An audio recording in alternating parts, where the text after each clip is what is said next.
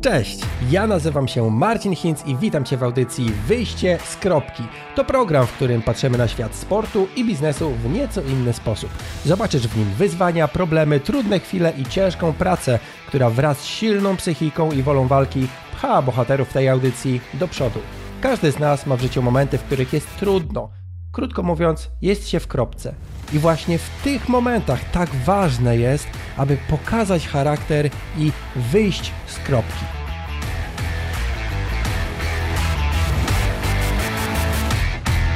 Cześć i czołem, wyjście z kropki, odcinek 90. E, Witam serdecznie, dzisiaj mamy gościa super specjalnego, specjalnie do Warszawy przyjechałem, żeby z nim porozmawiać. E, Maciej Bodnar, cześć Maciek. Cześć, cześć. No ja też specjalnie do Warszawy przyjechałem, bo mieszkam pod Warszawą. Właściwie, właściwie tak, ym, no tak pół żartem, bo też tutaj przyjechałem do pracy na parę dni, no ale to jest zawsze fajna dla mnie, dla mnie okazja, żeby tutaj z tym Mazowszem e, porozmawiać. Maciek, powiedz kilka słów o sobie. Kim ty jesteś, e, skąd się wziąłeś, Mm, bo tak jak rozmawialiśmy, rozmawialiśmy przed rozmową, rozmawialiśmy przed nagraniem, to jak się wpisuje to twoje imię, nazwisko, to wyskakuje ktoś inny niestety. Niestety, niestety. No, zbieżność nazwisk, imion jest e, przypadkowa. E, Maciej Bodnar-Kolarz to nie jest moja rodzina. E, ja jestem triatlonistą, wywodzę się z pięcioboju nowoczesnego i z tego pięcioboju nowoczesnego odszedłem jeszcze w liceum, więc już prawie 10, no 10 lat temu. Jakie to dyscypliny są? Pięcioboju no to jedyne pokrewne z triatlonem to jest e, pływanie i bieg, no i potem jeszcze dochodzi strzelanie, szermierka i jazda konna, więc takie Mhm. bardziej techniczne, taka inna bajka. Tam w pięcioboju jest taki miszmasz wszystkiego. E, jednak dużo bardziej lubię te dyscypliny wytrzymałościowe, bardziej je rozumiałem i ten triatlon był dla mnie taką naturalną kontynuacją. Jakoś przedwczoraj widziałem takiego mema, że, jak właśnie walczyli szermierze, nie wiem czy tak się mówi, Mhm. i był podpis, że y, co, co ci pszczelarze się tak biją o ten miód. Y, Ale to... Mm, tak, y, chciałem y, z tobą porozmawiać, bo mm, gdzieś tam cię przez jakiś czas śledziłem, później trochę byłem zły na triatlon i wszystkich musiałem un- unfollowować, którzy byli związani ze sportem. Dla, dla czystości ducha, ale zacząłeś też mi się przewijać poza YouTube'em, którego chyba od dosyć długiego czasu robisz, tak mi się wydaje. Albo często mi się po prostu pojawiałeś. To zacząłeś się też mi przewijać przez grupy takie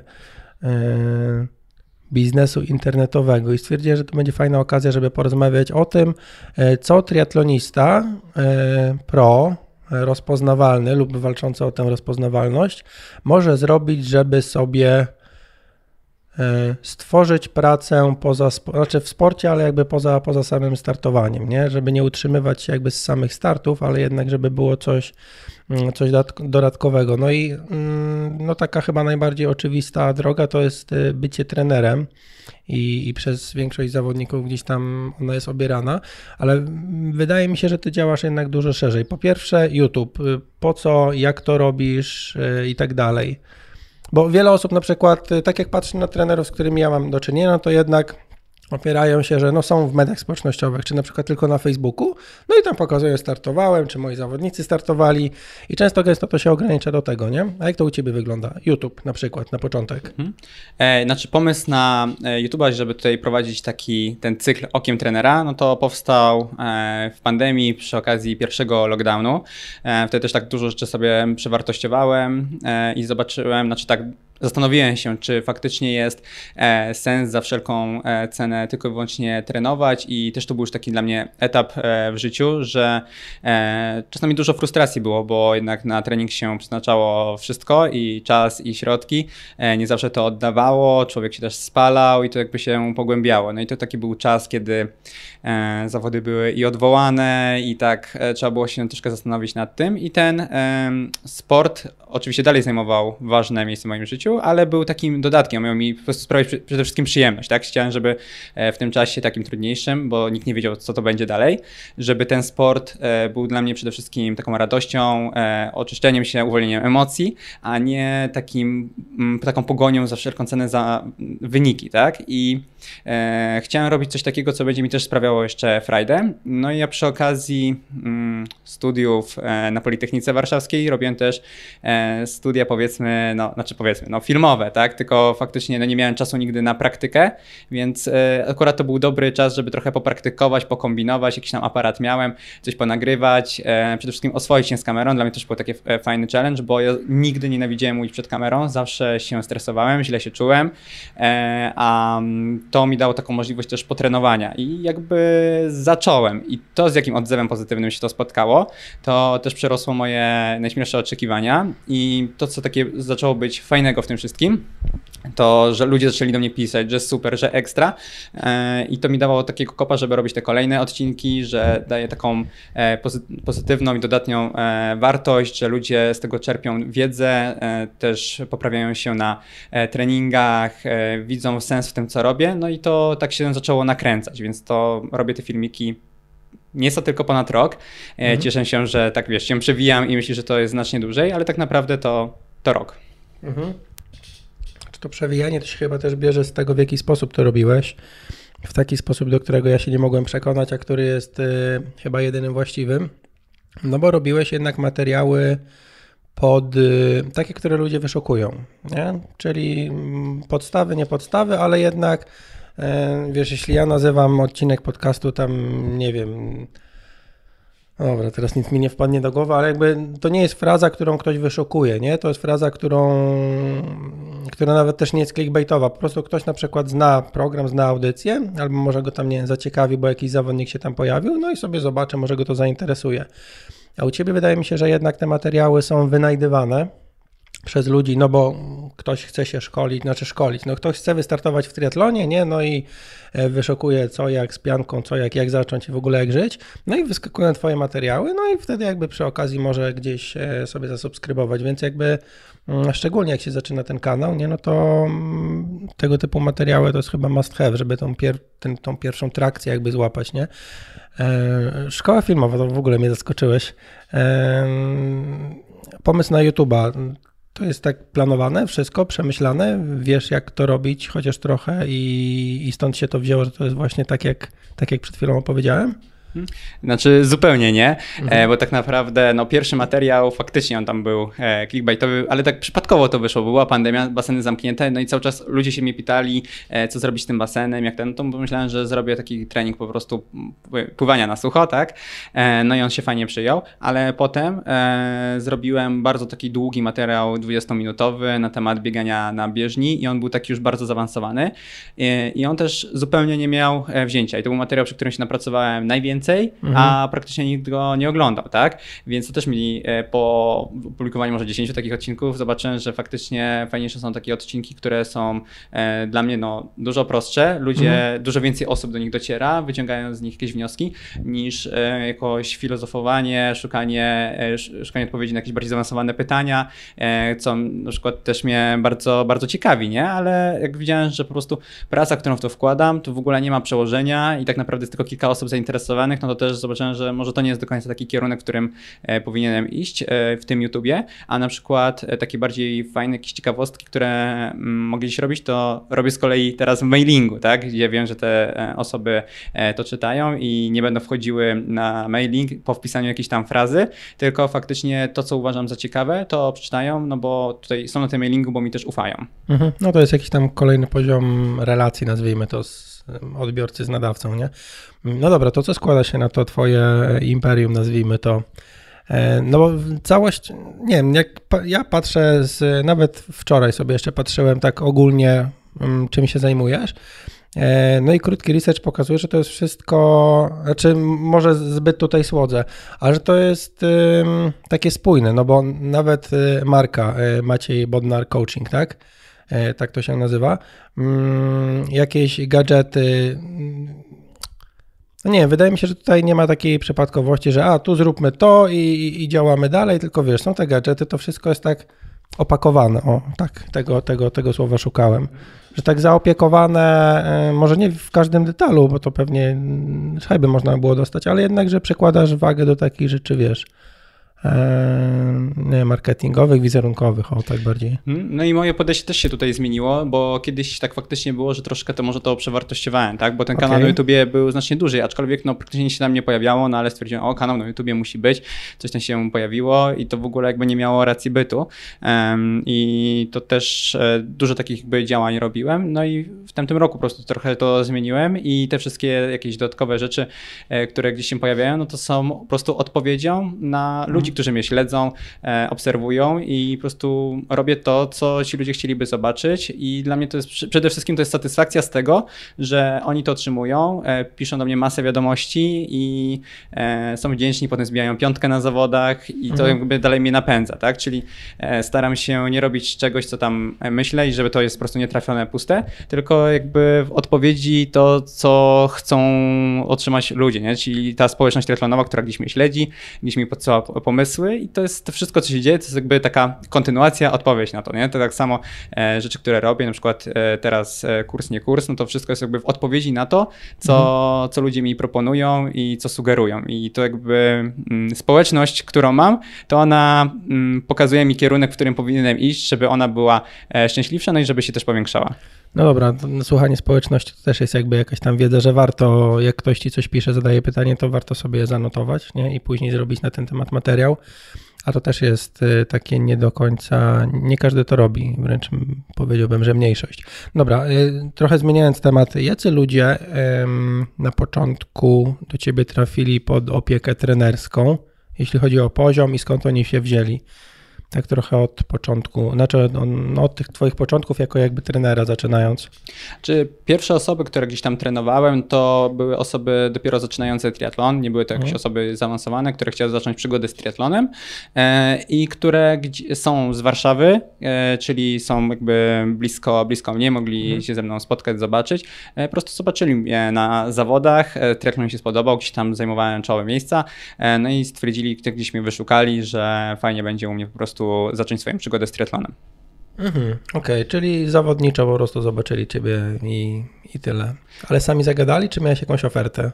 Mhm. Znaczy, no od początku starałem się mieć e, stronę internetową mhm. z ofertą, no aczkolwiek e, dużo się opierało faktycznie na takiej rozpoznawalności na zawodach. Znaczy, moją mhm. taką największą wadą było to, że jak zaczynałem faktycznie prowadzić ludzi i pomagać im, no to miałem chyba tam 21-22 lata, więc miałem bardzo mało. I dla mnie to było takie najgorsze, żeby zdobyć zaufanie ludzi, którzy mają po 30-40 lat, często mają bardzo odpowiedzialne stanowiska w pracy, więc a ja jeszcze muszę im mówić, co mają robić, więc dla mnie to było takim największym wyzwaniem do przeskoczenia, a samo to, żeby gdzieś mnie znaleźli czy zobaczyli, no to już jest mniejszy problem, bardziej zdobyć te zaufanie. Mhm, mhm. No taka kwestia doświadczenia też chyba wchodzi w grę, nie? Jak wiesz, ktoś ma 21 lat, i teraz ma kogoś prowadzić e, sportowo, nie? To czy on w ogóle się na tym zna? Hmm. Znaczy, e, w obecnym teraz czasie to na pewno jest taka lepsza opcja niż brać kogoś, kto ma 30 lat, jest trenerem personalnym i triatlon zna e, tylko z książek, bo są no tak. takie osoby i oferują ci, że ci poprowadzą w triatlonie. Tak, ja przynajmniej tam miałem już z 5 lat prawie bycia w tym triatlonie i jakby poznania tego sportu od podszewki. Mhm. E, dobra, wracając do YouTube'a. E, Mówi, że się materiał jeden się przyjął, drugi się nie przyjął. E, czy wtedy też myślałeś o tym tak świadomie, że ok, trzeba sobie wymyślić, dla kogo ja w ogóle nadaję, że dla osoby, która chce zacząć, czy zaczyna i nie wie jak, a nie dla osoby, która szuka jakichś tam kolejnych sekund, czy nie było takich przemyśleń? W sensie, czy świadomie wybrałeś tę drogę, że widzisz, to się ten film się sprawdza, więc będę robił filmy dla początkujących? Znaczy dopiero to zrobiłem po kilku miesiącach tak naprawdę te pierwsze materiały, no. znaczy zależało mi na regularności, żeby one wychodziły regularnie, przynajmniej te pierwsze 10 odcinków wypuścić, YouTube, no. wypuścić regularnie. E, no przede wszystkim dlatego, żeby też ludzie widzieli, żeby to szło dalej, bo po pierwszym odcinku dużo osób pisało właśnie, że super ekstra, ale że obawiają się tego, że to będzie jak wszystkie takie kanały triatlonowe, że że po dwóch, trzech odcinkach mi się znudzi i będzie, będzie mhm. koniec i nic tam się ciekawego nie pojawi. Więc dla mnie to było takim priorytetem. No i też nie miałem takiej dowolności w tematyce e, odcinków, no bo jedyne co mogłem nagrywać to u siebie tam w jaskini, no bo nie można było wychodzić na zewnątrz, na zewnątrz więc tylko bieżnia zostawała. E, to, co się udało zrobić właśnie faktycznie w jaskini. Więc e, ta tematyka była już tak z góry mocno okrojona, a tak bardziej zastanawiać się nad tym, jaki temat może być dobry, zacząłem się zastanawiać tak po kilku miesiącach. No i fakt, że dopiero wtedy, kiedy zaczynam się nad tym zastanawiać, na przykład dobre tematy, które by były na początku sezonu, okazały się pod koniec sezonu i na przykład tam nie do końca to jakoś się powiedzmy zazębiało. Ale dla mnie to jest też rzecz taka e, drugorzędna, bo teraz jeżeli widzę, że mam społeczność i zrobię materiał, który jest ciekawy, może niekoniecznie ma jakiś tam e, clickbaitowy temat, to ludzie i tak to obejrzą, bo no, ufają mi, wiedzą, że na przykład mhm. e, ten materiał, który przygotuję, e, będzie fajny i ich na przykład e, zainteresuje, nie? No tak, warto cały, ale tak czy inaczej warto dbać zawsze o różnego rodzaju dotarcie nie? Do, do, do ludzi, zarówno pod względem wyszukiwania, jak i tych, którzy subskrybują i tak dalej. Mm, a jak marketowałeś te, te nowe materiały? No bo jedna rzecz to wrzucisz coś na YouTube, a YouTube coś tam z tym, z tym może zrobić, pokazać to komuś. Mm, ale co robiłeś z tym linkiem do filmu na YouTubie? Gdzie go wrzucałeś? W jaki sposób starałeś się, szczególnie na początku? Mhm. żeby się pokazać, Czy coś takiego jest. Równolegle z tym, jak wystartowałem z YouTube'em, zacząłem dbać o swoje konto na Instagramie i jakby mhm. Instagram stał się dla mnie takim głównym um, medium dotarcia, bo też widzę, że dużo więcej, znaczy dużo lepiej docieram niż e, na Facebooku. Facebook już na przykład tak tnie albo potrafi mhm. tak okroić, że e, tam po prostu robię tylko to dodatkowo, a tutaj przy, przede wszystkim przez Instagrama, gdzie no i dawałem jakąś tam formie posta, Insta Stories, e, no i też na grupach triatlonowych E, na Facebooku po prostu mhm. wrzucałem informację, że coś takiego jest. No i tak wy wyglądała promocja odcinka. Okej, okay, ty na Instagramie w ogóle całkiem spore konto masz, nie? Jak na taki polski triatlon. E, no zależy do kogo porównywać, nie? Bo na przykład porównując do e, Pitali czy Roberta Karasia, no to jednak mhm. jestem takim mm, no, malutkim no, człowiekiem, okay. nie? w Instagramie. Jakby E, czy, czy Alicja to myślę, że to konto takie nie do końca triatlonowe. Znaczy, jakby z szacunkiem dla hmm. wyników, ale jednak no, popularność się wzięła e, nie tylko ze sportu i wyników. Mm, a u Roberta, no to też jest już, wiesz, trochę bardziej e, show business, tak mi się wydaje hmm. mocno. Ale no, tak czy inaczej, no ta marka osobista, ok. Ale pomijając tego typu osoby, które gdzieś tam sześciocyfrowe mają e, chyba konto, tak, po, po chyba jedna i druga osoba powyżej 100 tysięcy, mm, to, to, to już wtedy chyba lepiej wygląda, nie? w Twoim przypadku? Tak, to czy moje konto i tak urosło trzykrotnie powiedzmy w ostatni rok, ale też zmieniłem podejście, bo mhm. wcześniej e, publikowałem po prostu czasami tak jakby no, poczułem po prostu poczucie obowiązku raz na miesiąc, albo raz, no, raz na miesiąc to przesadzam, ale raz na tydzień, dwa tygodnie coś tam rzuciłem. I to bardziej takie właśnie było poczucie obowiązku, że okej, okay, no pro triatlonista musi prowadzić swój fanpage, tak? Ale wtedy tak, tak zmieniłem całe podejście, bo stwierdziłem, że no fajnie by było, jakby osoby, które mnie śledzą, dostawały jakąś fajną też wartość, żeby to, co robię, e, żeby te wpisy nie były z poczucia obowiązku, tylko że faktycznie chcę chciałem coś pokazać. E, zacząłem też takie jakieś na Insta Stories edukacyjne rzeczy wrzucać mhm. E, i to tak zaczęło się samo kręcić, tak? No bo ludzie zobaczyli, że na przykład warto obserwować to konto, bo to nie jest kolejne nudne konto, że ktoś tam rzuci, ok, zrobiłem dzisiaj taki taki trening i w sumie nic to nie niesie, tak? Mhm. Tylko mhm. staram się właśnie wrzucać różne rzeczy. Fakt, że to sam do końca nie wiedziałem na początku, w którą stronę ma to iść, bo jednocześnie byłem no zawodnikiem, ale już trochę szedłem bardziej w stronę tą trenerską, żeby dzielić się tą wiedzą, wiedzą i jakby te swoje trenowanie spychać bardziej gdzieś na dalszy plan. I dopiero teraz jakby w tym roku to tak całkowicie e, zrobiłem mhm. e, i coraz więcej staram się faktycznie dawać takiego e, kontentu edukacyjnego, aniżeli to, co tam gdzieś e, ja robię, tak? Bo wiem, że to, co na przykład ja robię, to ludzi no, mnie interesuje niż to, co mogą się e, wartościowego dowiedzieć ode mnie. Okej, okay, ale to chyba tak zbudowałeś społeczność swoją, że ludzi bardziej interesuje wiedza niż, niż to, co się dzieje w życiu prywatnym. Znaczy, Bo wydaje, różnie z tym bywa. No tak to, no,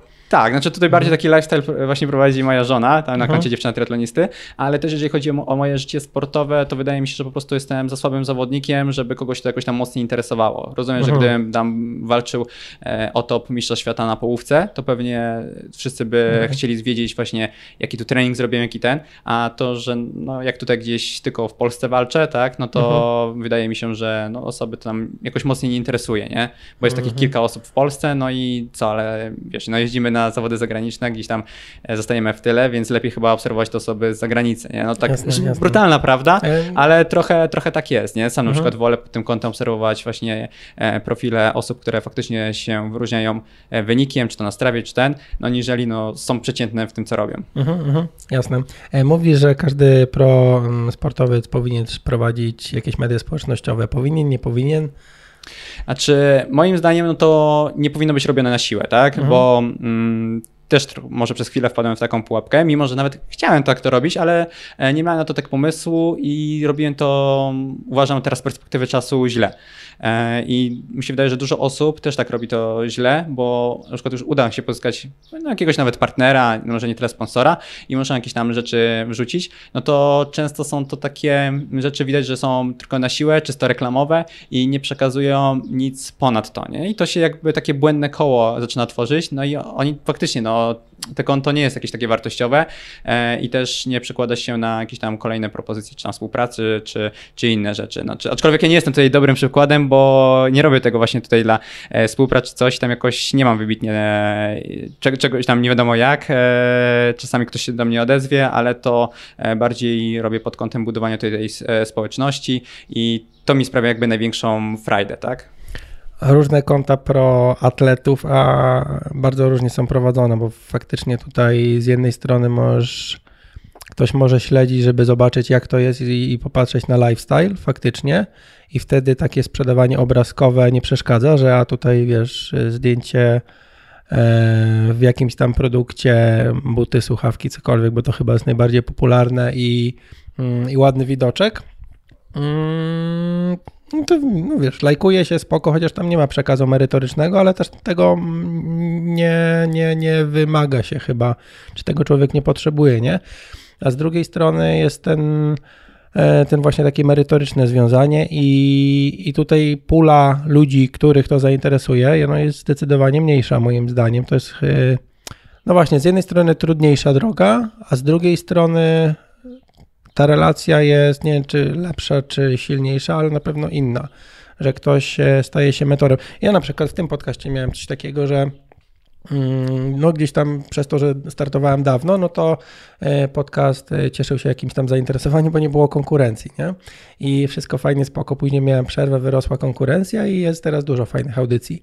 Mm, Na przykład Oli, tak, twojej żony.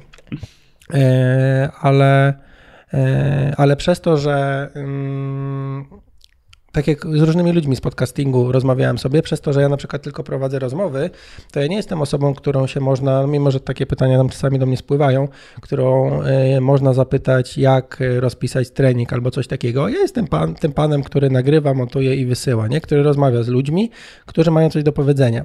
E, Więc e, nawet taka w głowach ludzi taka e, swoja postać, która jest tą osobą, e, która może mentorować kogoś, czy uczyć, czy coś takiego, to też jest e, fajna opcja na przyszłość, bo mm, później mo- może trudniej być switchować, jak na przykład, wiesz, jesteś młodym zawodnikiem i robisz te fajne obrazki, żeby zrobić dobrze sponsorom, nie? No i jakby zarabiasz tylko ze sportu i później nagle właśnie masz zaswitchować i że jesteś trenerem, nie? I przez część ludzi nagle zostaniesz gdzieś tam opuszczony, gdybam, ale tak mi się wydaje, że tak może być, no bo nie oczekiwali tych obrazków, tych wiesz, słonecznych widoków w zimę i tak dalej. Mm, No dobra, ale mm, tak y, pomądrzyłem się. Czy moim no. zdaniem to jest takie bardzo dobre spostrzeżenie i tutaj też, jeżeli się właśnie wybiera drogę czy merytoryczną, czy bardziej Mhm. taką lifestyle'ową, no to wiadomo, że ten lifestyle ma znacznie później większe możliwości e, i często nawet jak na tym YouTubie patrzę, mówię, e, kurczę, tu pracuję wiele godzin nad jakimś materiałem, żeby był merytoryczny i ten, no i tak nic tutaj nie chwyta, a ktoś stawia taką najgorszą głupotę i ma nagle wyświetlenia tam w milionach, jak nie w miliardach i to jest w ogóle zawsze taka, mm, takie przemyślenie, nie? że te wszystkie, czy social media i wszystko, każdy kolejny nowy social media idzie w stronę właśnie takiego odmurzania, głupoty, czyli na przykład tam Facebook jeszcze coś tam jeszcze miał, Instagram już bardziej, a ten TikTok to już tam w ogóle przede wszystkim, no, wchodzi się, żeby tam się odmurzyć praktycznie, nie? Rozrywka. E, I coraz mniej jest tej merytoryki, a ludzie coraz bardziej chcą takiej właśnie taniej e, rozrywki. No i faktycznie, czy to jest też smutne, e, ale no ja sobie powiedziałem, że po prostu tak nie potrafię, tak? Nie potrafię, nie wiem, robić jakichś takich głupot yy, i jakoś siebie tam głupka robić, bo no to będzie ze mną bardzo się gryzło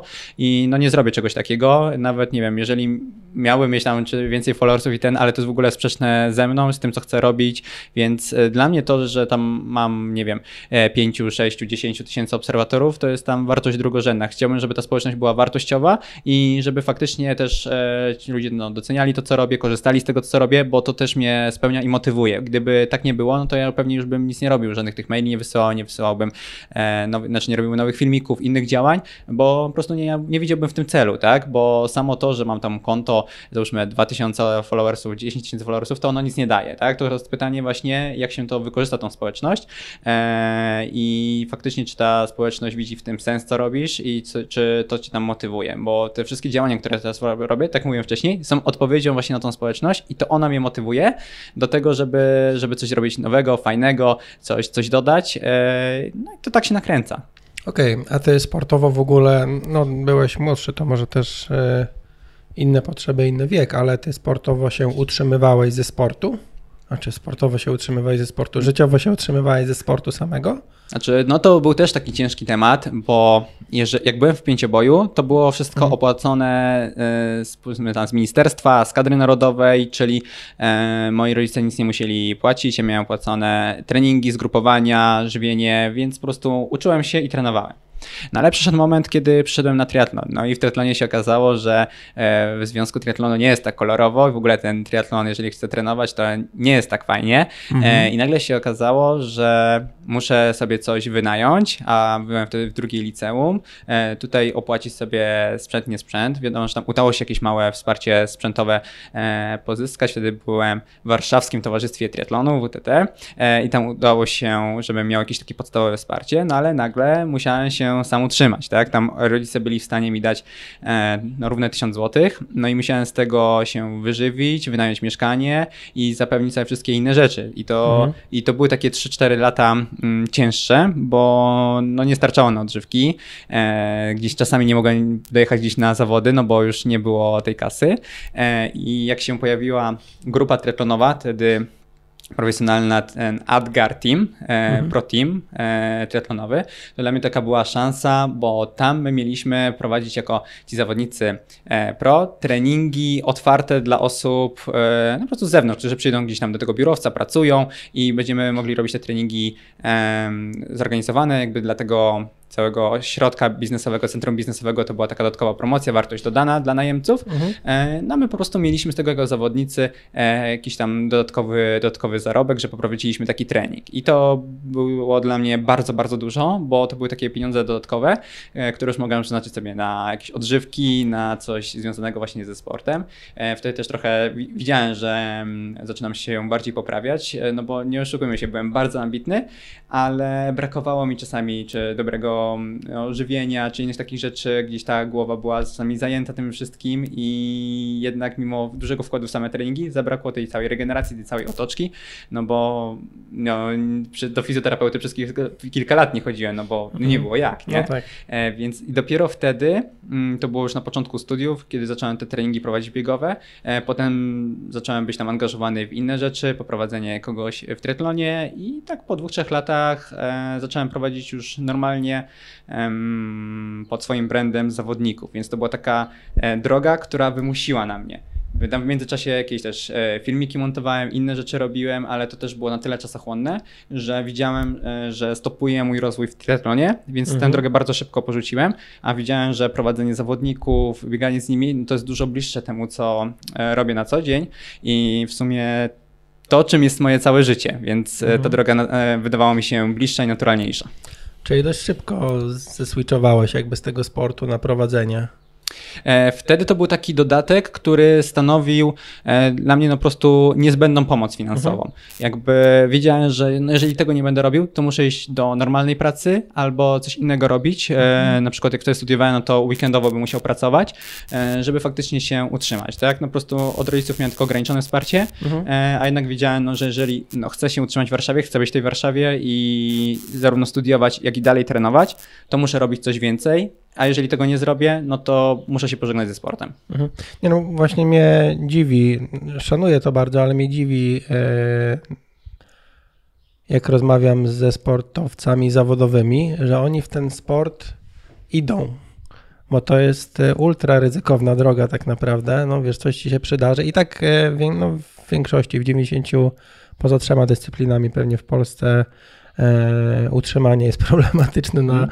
na jakimś godnym poziomie, e, a mimo to ci ludzie, wiesz, e, brną w to, znaczy brną, no pozytywnie, tak, idą w to i mm, dla mnie to jest zaskakujące, co w człowieku jest, że tak e, mocno chce w to iść, tak naprawdę. No, dokładnie, bo to, ostatnio nawet sobie nad tym myślałem, że e, chyba, nie gdybyś chciał e, inwestować na giełdzie, to chyba nie znalazłbyś tak ryzykownej opcji w zainwestowanie e, niż e, sport zawodowy, bo trenuje tysiące osób, dziesiątki tysięcy osób, a mistrzem świata zostaje tylko jedna osoba. Mhm. Więc prawdopodobieństwo, że zostaniesz mistrzem świata no, jest tak niewielkie, a jednak e, ty nie poświęcasz mniej czasu, mniej zaangażowania niż na przykład 200 innych osób, tak? mhm. tak? teraz to się fajnie też obserwuje na triatlonie światowym, że widać, że wszystkie te osoby, na przykład pierwsze 300 osób na listach, to praktycznie no, nie różnią e, się od siebie, jeżeli chodzi o czas poświęcany na treningi, koszta tych treningów, tego wszystkiego, a tak naprawdę no, tylko garstka tych osób jest w stanie z tego wyżyć i faktycznie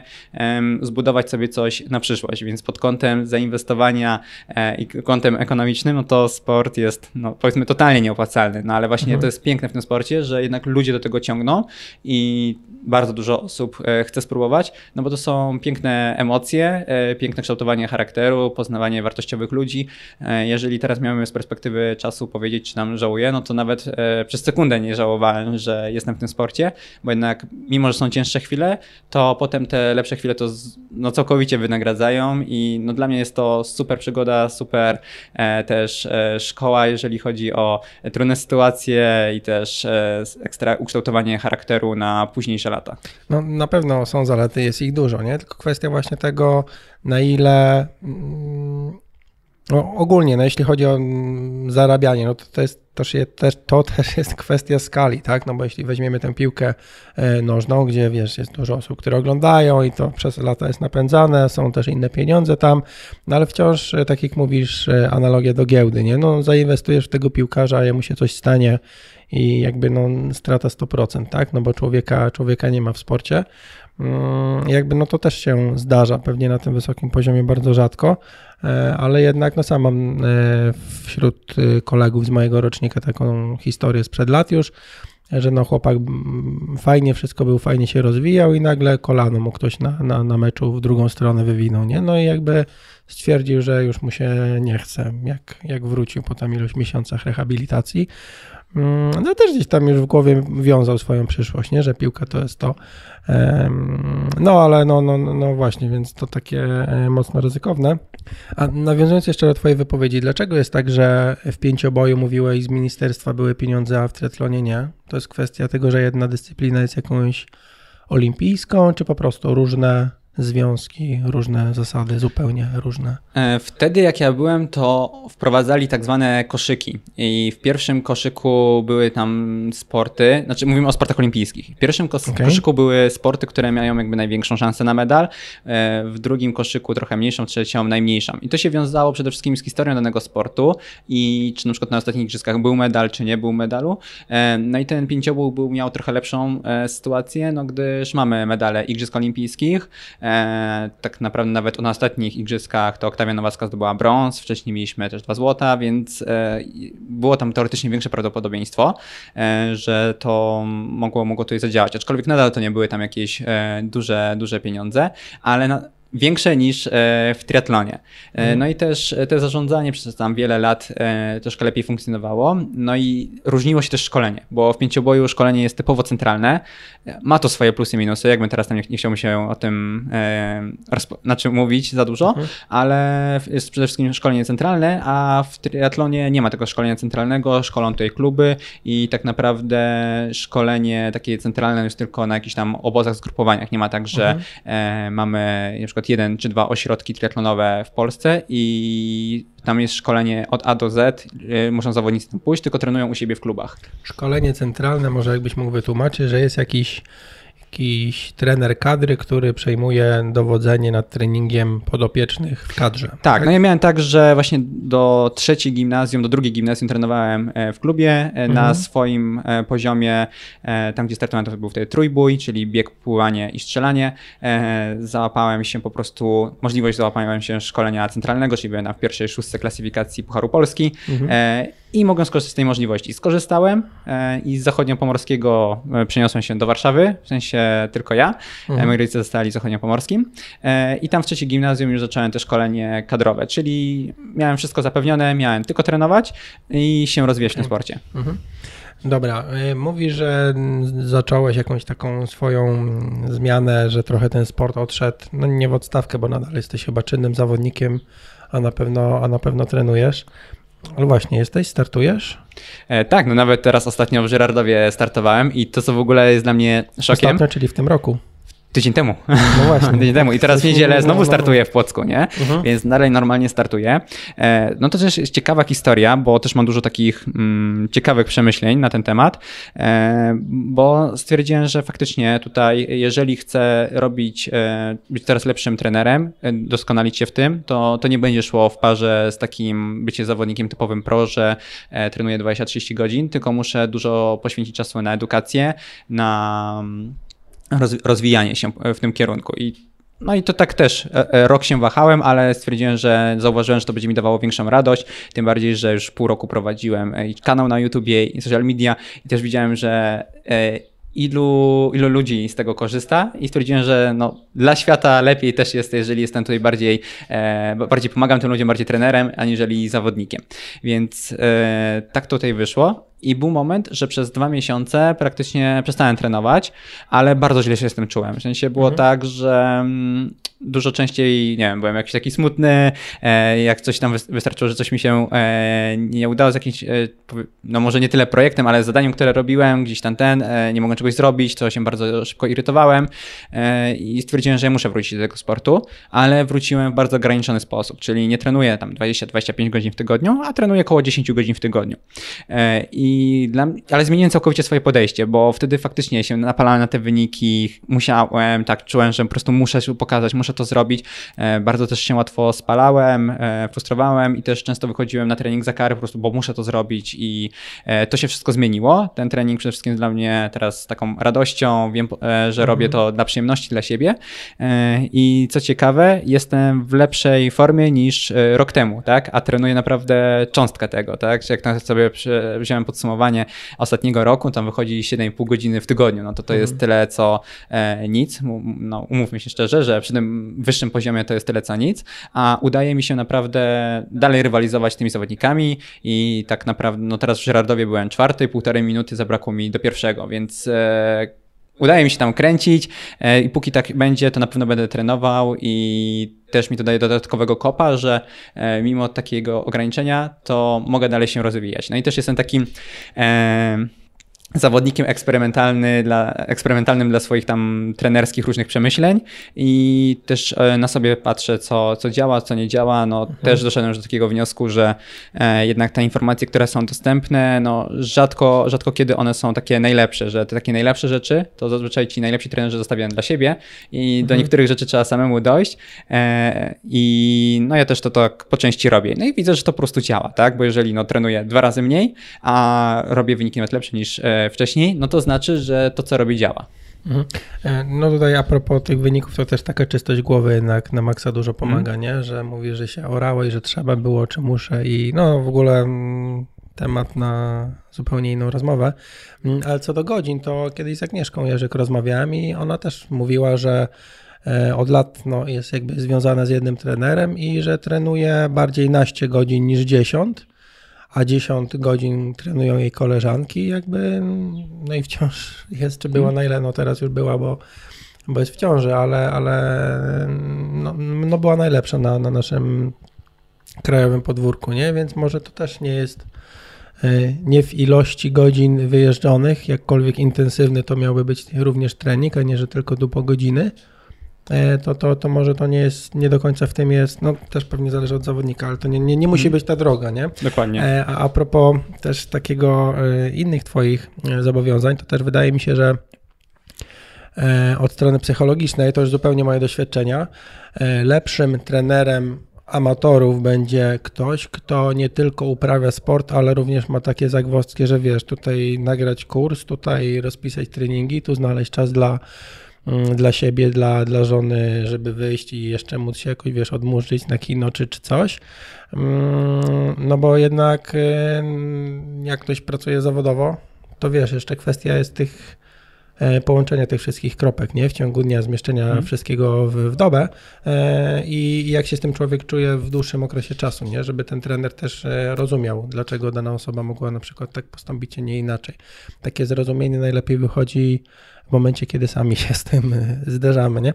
No dobra, ale jak wygląda twój dzień przed może całą ideą kursową, E, no bo nagrywasz teraz kurs dla początkujących triatlonistów, mm. chyba, tak, tak, należy powiedzieć, ale przed tym, bo teraz to zajmuje dużo czasu, ale przed tym, jakbyś podzielił swój dzień czy tydzień, e, nie wiem, procentowo czy godzinowo na, na rzeczy, którymi się zajmujesz, te, te, te największe, te zawodowe oczywiście, bardziej niż jakieś prywatne. Mm. Co najwięcej ci zajmuje czasu albo uwagi, bo to też coś może zajmować mało czasu, ale zatruwać głowę przez cały czas. Mhm. A czy zmieniły się proporcje? Bo kiedyś takie, powiedzmy, obowiązki em, zawodowe, to powiedzmy, jeżeli połączyć czas na trening i na pracę, no to obowiązki zawodowe to były takie jedna trzecia, a dwie trzecie był trening. A teraz jest to na odwrót, a nawet może i więcej niż dwie trzecie czasu e, no, na obowiązki zawodowe. No teraz to już w ogóle, tak jak właśnie wspomniałeś o tym kursie, no to e, czasami jest tak, że wychodzi nie 12-14 godzin pracy, e, no i jak tam pomiędzy się zmieści trening, to jest fajnie, ale no wcześniej to faktycznie około tam półtorej, dwie godziny dziennie średnio wychodzi treningu, e, no i takie nawet 8 godzin, tak, gdzieś e, pracę gdzieś przy komputerze. E, no to też jest różnie, bo wtedy, kiedy rozpisuję plany treningowe, to siedzę od e, samego rana do wieczora, tam krótkimi jakimiś przerwami na, na spacer, mhm. a czasami jest tak, że po prostu jest mniej, są 2-3 godziny w ciągu dnia takich obowiązków, więc to też nie jest stałe w tygodniu. Ale jeżeli mam tak być, powiedzieć, ile czasu właśnie jest na trening, no to taka jedna trzecia na trening, dwie trzecie na pracę i z tym związane rzeczy. No i też to nie do końca niektórych rzeczy nie traktuje jako praca, tak? Czyli załóżmy, e, czy coś publikowania w social mediach, czy nagranie jakiegoś tam filmiku i ten, to nie do końca zawsze to traktuję jako czas pracy, e, no bo to tak robię czysto bardziej na razie hobbystycznie, e, to żeby tutaj e, pomagać ludziom, a pracę traktuję przede wszystkim to prowadzenie zawodników, kontakt z tymi zawodnikami i po prostu to, z czego żyję, tak? to, to, mhm. to, na, czym, to na czym zarabiam, a dodatkowe rzeczy no to są dla mnie na razie taką fajną wartością dodaną, ale też nie zawsze traktuję to jako praca. Mhm. A co traktujesz jako praca wtedy?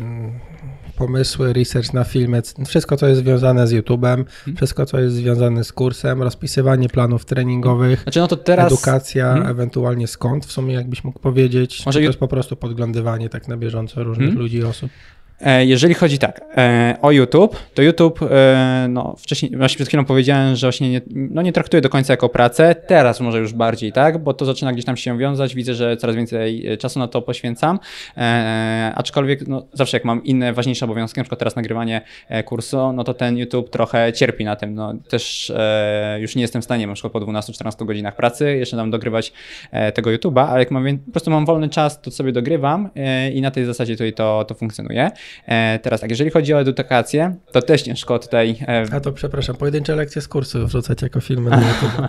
No myślę, że coś takiego może nawet być, nie? Że hmm. na pewno chciałbym tam pokazać, jak to wygląda, e, no bo chciałbym przede wszystkim, żeby ludzie byli z tego zadowoleni, więc hmm. takie coś... Ale kontynuuj. Jeżeli chodzi o edukację, to też ciężko tutaj przeznaczyć, bo ja tak nie mówię, że dzisiaj od 12 do 14 będę się edukował. Nie, no mhm. po prostu znajdę coś, co mnie ciekawi i ja potrafię tutaj drążyć nawet tam do pierwszej, drugiej w nocy, aż w końcu uzyskam odpowiednią odpowiedź, aż w końcu będę wiedział, jak tutaj to zrobić, jak e, coś zorganizować, tak? Albo na przykład, nie wiem, teraz jak robię tam e, analizę treningową w programie WKO, no to na przykład jakiś wykres w końcu zrobić, żeby to, to działało, albo jakieś zestawienie dać i co z tego będę mógł wyczytać. Jakby to mnie pasjonuje i to też nie jest tak, że mówiłem sobie, że dzisiaj do 18 popracuję, no to też jest mhm. moja zguba, tak? No, żona nie ma ze mną łatwo, no bo e, czasami e, jest ten czas nienormowany i to też mhm. jest e, ciężkie, żeby to wszystko właśnie e, zrobić, nie? No właśnie swoim. tak, no albo mhm. na przykład um, nie wiem, coś, coś robi, a u jakiegoś zawodnika jest pożar, trzeba coś zmienić i do mnie dzwoni, no to też e, muszę odkładać, no i te rzeczy pozmieniać, aczkolwiek staram się coraz bardziej robić tak, że jestem dostępny ze dwa razy w ciągu dnia dla, dla zawodników, wtedy odpisuję, no a wiadomo, jeżeli ktoś ma bardzo pilną potrzebę, no to wtedy dzwoni i wtedy już na telefonicznie od razu działamy, tak? A mhm, mhm. tak e, staram się być po prostu co jakiś czas, no bo jeżeli co chwilę bym, e, bo się komunikuję przez WhatsAppa, jeżeli co chwilę byłbym dostępny, no to też nie miałbym już czasu totalnie do siebie, no bo bym musiał cały czas tutaj być, a innych rzeczy już bym nie mógł totalnie zrobić. E, no i plany treningowe, no to też jest taka rzecz, którą faktycznie sobie ustalam dni, kiedy, kiedy to robię, kiedy sprawdzam i to też mi jakby zajmuje no całościowo samo rozpisanie, no to dwa pełne dni, tak jakby od 6-7 rano do 20-22. Z jakąś tam przerwą na właśnie trening, zjedzenie czegoś i, no i tak to wygląda. Mhm. Mm, chwilę, dosłownie chwilę przed naszym spotkaniem e, wrzuciłem, właśnie to są moje media społecznościowe, mm. że ja działam bardzo chaotycznie, bo mi się nie chce, w sumie nie muszę, nie, ale, mm. bo to też nie jest moja droga, mm, taka radosna twórczość. Mieliśmy się spotkać i wrzuciłem, a może ktoś by miał pytanie, będzie Maciek Bodnar. E, no i zdążyła jedna osoba napisać, że Maciek dobrze, znaczy, że bardzo ich lubię, ale jednak e, Maćka się jakoś tam fajnie ogląda i że robi sobie dobrze, dobry PR u e, triatlonistek. Poprosiłem o rozwinięcie hmm wiadomości, bo nie, nie za bardzo zrozumiałem. No jest taki ładny chłopak, że większość, obser większość obserwujących to obserwatorki. Tak jest, że na twoim profilu więcej kobiet jest? Nie, no zdecydowanie więcej mężczyzn. Tak, tak? To kiedyś chyba sprawdzałem. To jest kwestia też y, liczby zawodników, nie? Puli, z której możesz... Y, tak, no czy no jeżeli mnie mniej jest obserwują triatloniści, no to mhm. jest tak też logiczne, że no jest to sport przede wszystkim dla, no może nie, to może źle zabrzmi, ale który trenują przede wszystkim mężczyźni. No i tak 80-85% osób, które mnie obserwują, no to są są mężczyźni. Ja, mi też jest daleko do jakiejś tam osoby, która faktycznie gdzieś tam w modelingu może robić, czy ten, mhm. więc e, jakoś do tego nie przywiązuję wagi, bardziej tutaj do tych merytorycznych treści, mhm. które no, po prostu no, mają trafić dla triatlonistów. Nie, nie chcę tego zburzyć, nie chcę tego zburzyć. No, ale y, faktycznie chyba w triatlonie jest więcej, znaczy na listach zawodników na pewno, ale tak się mówi, że na przykład więcej kobiet biega, a zdecydowanie więcej mężczyzn startuje w biegach nie? Że, że podobno tutaj jest dosyć spory rozstrzał. Hmm. Znaczy na tyle spory, że e, na listach na zawodach jest tam, nie wiem, 80 czy 90% facetów, a więcej kobiet, czyli więcej niż 50% faktycznie biega. Tak, znaczy ten triatlon też jest tak przedstawiany trochę, trochę dla, targetowany bardziej dla mężczyzn, no bo e, jest tutaj ten Ironman, człowiek z żelaza, tu sprawdzenie charakteru i no, e, i wszędzie zawsze na tych jakichś reklamówkach, nie reklamówkach, no to są mężczyźni, którzy tam e, dają się wszystko na tym rowerze, na biegu, umierają, no może to do końca nie trafiać do kobiet. I jak kobiety na przykład zobaczą... To, to jest w ogóle dla mnie bardzo krzywdzące, że na przykład zawody są razem, e, a nie, że tak jak w pro zawodach, że kobiety mają osobny wyścig, bo tak to pierwsza kobieta, która wpada na metę, to nie jest pierwsza osoba, która wpada na metę, nie? I to, to moim zdaniem jest krzywdzące. To jest raz. E, dwa, mm, puszczanie, znaczy tu można wiadomo, że to jest e, triatlon e, i tutaj trzeba być twardym, no ale puszczanie kobiet z mężczyznami na przykład na pływaniu, gdzie kobiety są słabsze fizycznie, jakieś są przepychanki, jest ta pralka, no to one będą stratne. Kolejna rzecz mhm. to też nie do końca jest uczciwa rywalizacja. No wiadomo, że jak mamy nawet zawody bez draftingu, to ta strefa nawet utrzymując tą strefę dozwoloną to można fajnie się podciągnąć i kobieta, która po prostu szybciej pływa, niekoniecznie dobrze jeździ, wychodząc z mężczyznami, może się podciągnąć. To nawet Więc... w pro mamy historię chyba. Tak, no i są różnego rodzaju mhm. takiego, tego rodzaju historie. Wiadomo, że puszczenie osobno kobiet to jest duże wyzwanie dla organizatora, e, ale miałoby to na pewno wartość taką dodaną dla kobiet i wyróżnienie tych kobiet e, i być może tutaj by wtedy rozpoczęło się bardziej e, popularyzacja tego sportu wśród kobiet. No to jest takie czysto hipotetyczne myślenie, no, no. ale, ale faktycznie fajnie by było, jakby w tym sporcie było więcej kobiet e, i też można by było bardziej targetować ten sport dla kobiet. Maciek, Bodnar, tutaj twarz e, kobiecego triatlonu. Żartuję. E, dziewczyna triatlonisty nie ogląda e, tego podcastu, prawda? Będzie, będzie. Będzie, to, to może będzie. Dobra, kurs. Do tego tematu chciałem przejść wreszcie.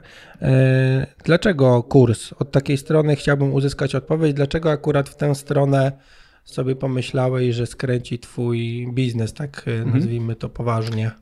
No i To też jest trochę zbieg okoliczności. E, kurs wyszedł e, z dwóch rzeczy. Przede wszystkim e, przyszedł do mnie zawodnik Marek Zacharewicz, który ma No. szkołę pianina. Pozdrawiamy. I, tak, pozdrawiamy Marka, super, super gość. I on robi, żyje po prostu z kursów gry na pianinie. No i tak e, zaczęliśmy współpracę, nawet przed rozpoczęciem tej współpracy to mi e, powiedział parę słów tutaj o kursach, że w sumie czemu, czemu nie zrobić kursu w triatlonie. E, jakoś tak do końca nie byłem wtedy jeszcze przekonany, musieliśmy też odbyć kilka rozmów. No i też druga rzecz, że coraz więcej osób mnie się tutaj pytało o różne rzeczy, też chciało przyjść pod opiekę trenerską. E, ja odsyłałem no, do innych osób, bo po prostu nie byłem w stanie przyjąć, tak? I ja Mhm. mam po prostu określoną liczbę osób, które jestem w stanie prowadzić i wiem, że jak będę miał więcej, to już nie będzie mnie to sprawiało radości, będę się tylko irytował, że już nie mam czasu na nic Mhm. innego, więc je odsyłałem. Em, No i ale zobaczyłem, że część osób e, nawet tam po dwóch, trzech miesiącach ono czeka i znowu ponawia pytanie. E, no i też stwierdziłem, że no trochę szkoda mi tak, żeby no, te osoby ciągle na przykład czekały albo żeby nie Ale mogły nie są to przyjąć. kobiety, żartuję. Nie, znaczy nie, nie wiem w ogóle skąd, skąd ten pomysł z tymi kobietami. No, E, to nie moje słowo w ogóle. żeby, żeby czekały. E, I też dużo osób właśnie mnie, mnie się pytało, czy by było coś takiego, żeby tak kompleksowo e, ten triatlon pokazać, no bo wiadomo, że to, co daje na mailu, to, co daje w filmikach, to są takie wyrywkowe rzeczy, ale jeżeli ktoś by chciał tak trenować rzetelnie, e, to też e, no jest mu tutaj ciężko e, to, to wszystko połączyć. E, druga rzecz, że książki, które są dostępne, to często są też oderwane od rzeczy, polskiej rzeczywistości i to też nie ma z praktyką dużo wspólnego. E, I jeszcze kolejna rzecz, e, często trenerzy e, gdzieś tam jak rozpisują plan, szczególnie zdalnie, no to przede wszystkim skupiają się na planie, e, ale też ciężko jest wszystko tym osobom wytłumaczyć. Ja też jak prowadzę zawodników, rozmawiamy o rzeczach bieżących, te, które tutaj nurtują, też nie jestem w stanie siedzieć na telefonie na początku e, 200 godzin i przez te 200 godzin powiedzieć wszystko na temat triathlonu Mhm. i ta osoba też tak, tego nie zapamięta, więc na bieżąco tę wiedzę dostarczam, ale też nie zawsze mogę być świadomy, czego zawodnik nie wie. Po prostu mówię jak najwięcej, ale zawsze jakaś tam luka może być. Więc e, w pomysł na ten kurs e, maksymalnie to wszystko zaczął łączyć i te luki wypełniać. I to, że jeszcze tutaj spotkałem właśnie Marka Zacharewicza, to było takim punktem zapalnym do działania, bo myśli może jakieś tam jakieś były, żeby taki produkt jakiś był. Ale to Marek to jest, powiedział, że to będzie ekstra e, i żeby zacząć e, nad tym myśleć i pracować. No i założenie właśnie było takie, żeby kompleksowo przeprowadzić e, osobę od pomysłu na triathlon przez e, treningi, świadome sobie ułożenie planu po start w zawodach, przekazać wszystkie takie praktyczne rzeczy, e, tak żeby ten e, sport był dobrze robiony, realizowany i żeby zaopiekować też tym zawodnikiem kompleksowo, czyli nie będzie tylko, że dostaje kurs taka osoba i koniec nara, tylko będzie jeszcze miał dostęp do specjalnej grupy na Facebooku, gdzie tam będę odpowiadał na te pytania, będzie jeszcze webinar, inne rzeczy. Mi po prostu zależy też na budowaniu takiej społeczności. E, Ja się bardzo w tym dobrze czuję. E, Jak mam taką społeczność, że mogę pomagać, e, czuję się po prostu dużo bardziej spełniony. Mnie by na pewno nie spełniło coś takiego, że e, sprzedałbym jakiś produkt i nie miałbym z tą osobą już nigdy kontaktu i w sumie nawet nie wiedziałbym, czy ta osoba jest zadowolona, niezadowolona, co mogę tutaj zrobić. Nawet teraz robiąc kurs, zrobiłem specjalnie wcześniej ankietę. E, To zaangażowanie w tę ankietę to jest w ogóle super, bo O. nawet no, łącznie kilkaset osób mi odpowiedziało, co by Mhm. chciało na przykład w takim kursie, ile ma czasu i na podstawie tych wszystkich odpowiedzi mogę też ten kurs już teraz e, jestem na etapie nagrywania, e, finalnie ułożyć tak, żeby pomóc jak największej liczbie osób. Mhm. No to jest w ogóle super pomysł z tymi ankietami, że tak naprawdę e, człowiek ma jedno w głowie, a odpowiedzi na ankietę budują mu agendę po części tego kursu, nie? Mm, Że dokładnie. nagle uświadamiasz sobie, że wow, że o tylu rzeczach nie pomyślałeś, bo albo one są oczywiste, albo przecież nikt z tym nie ma problemu, albo cokolwiek sobie uargumentujesz, nie? Mhm. Mm, Okej, czyli tak naprawdę no, przypadkowo od Marka Szkoła Pianina, bodajże, tak? Tak, Szkoła Pianina. Polecamy, nie korzystałem akurat, mm, chociaż próbowałem moich swoich sił z pianinem. E, Ale, ale no dobra, czyli, czyli od tej strony się to zaczęło. Jeszcze tak e, w tych przy okazji kursu e, chcę zrobić taką fajną rzecz i teraz już e, no praktycznie to już jest sfinalizowane, że przy zakupie każdego kursu, żeby na przykład 50 zł szło na rozwój jakiegoś klubu dla dzieci i mamy taki już klub wybrany, to jest akurat mój pierwszy trener, który całe serce poświęca dzieciom i na przykład takie 50 zł każdy kurs, no to może być na przykład godzina wynajęcia toru basenowego dla tych dzieci, zakup jakichś tam kularków pływackich albo być tam częścią na buty i żeby na przykład tylko szło to na rozwój sportowy młodzieży i no taki, taki mamy cel właśnie też, żeby... No fajne podejście. Dawno po takim wstępnym zajawieniu się na przykład na tego typu akcje, po, po, po akcjach na przykład Michała Szafrańskiego, gdzie wspierał polską akcję humanitarną, Mm, to przez ostatnie wiele miesięcy nie słyszałem, żeby część z, z, dochodu z kursu ktoś oddawał, wiesz, na jakieś takie no, wsparcie. Mnie czegoś. zainspirował właśnie Michał Szafrański, jak finansowy ninja, finansowy ninja został wydany i tam e, z każdy finansowy ninja to był e, obiad dla dziecka, tak? I mhm. na pajacyk.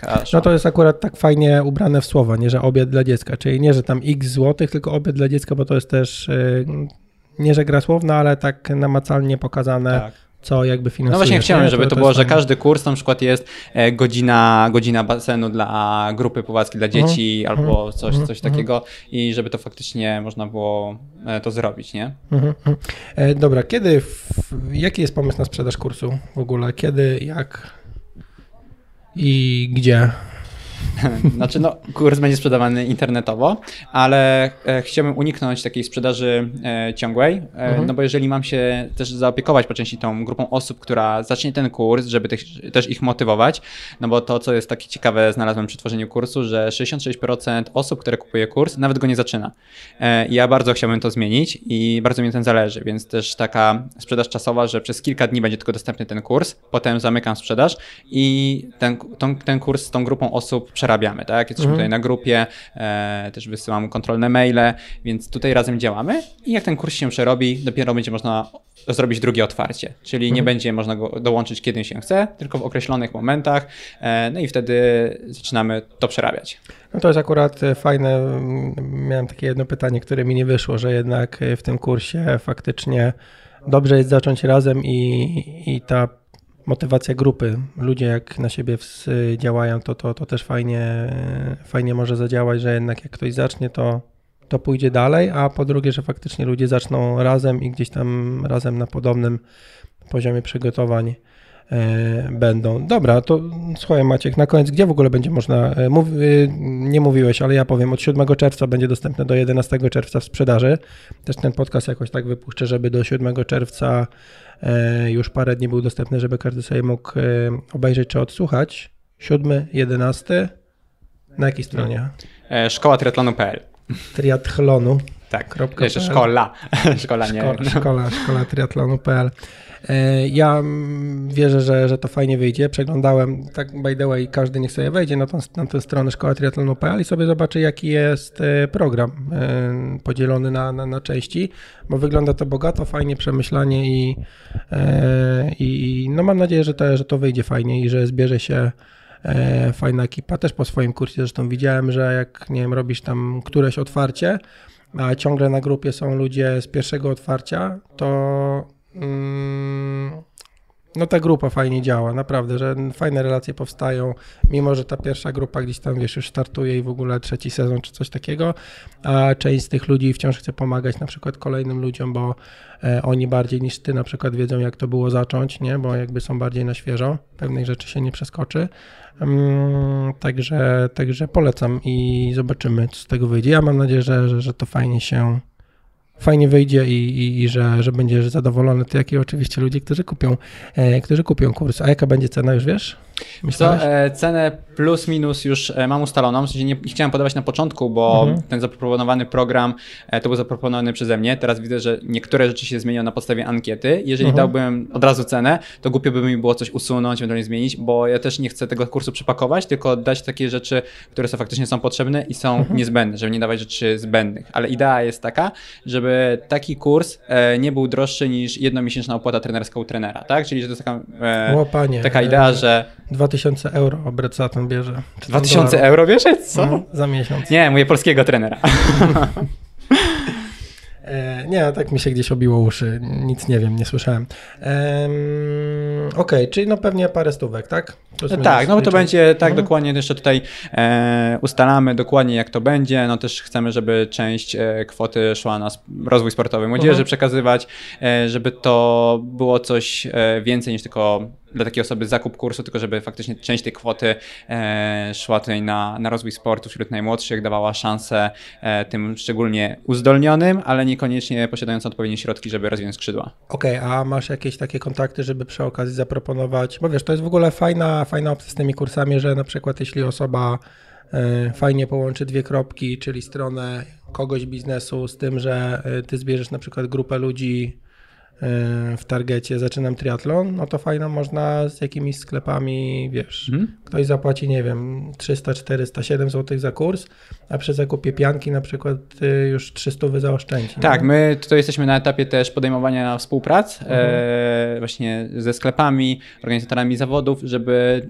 e, też osoby kupujące kurs miały dodatkowe zniżki, e, żeby też e, były społeczności, która ma takie profity właśnie. No to się szybko wtedy zwraca, nie? Jakby no, mniejsza. Tak, znaczy wydaje się, że przy obecnym marketingu jaki jest, no to przy, po module wybór sprzętu to można bardzo dużo zaoszczędzić, mhm. bo no widzę po prostu po ludziach albo osób, które gdzieś do mnie przychodzą, to sprzęt, który najpierw kupują, to po prostu jest czasami wyrzuceniem po prostu pieniędzy. No, no, no, no. no.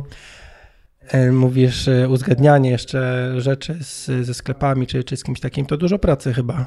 Znaczy tym zajmuje się akurat Ola, e, ja bardziej tutaj tą częścią merytoryczną, okay. jeżeli chodzi o partnerstwa, inne rzeczy, no to tutaj działa Ola. No to fajnie, fajnie, że jest wsparcie.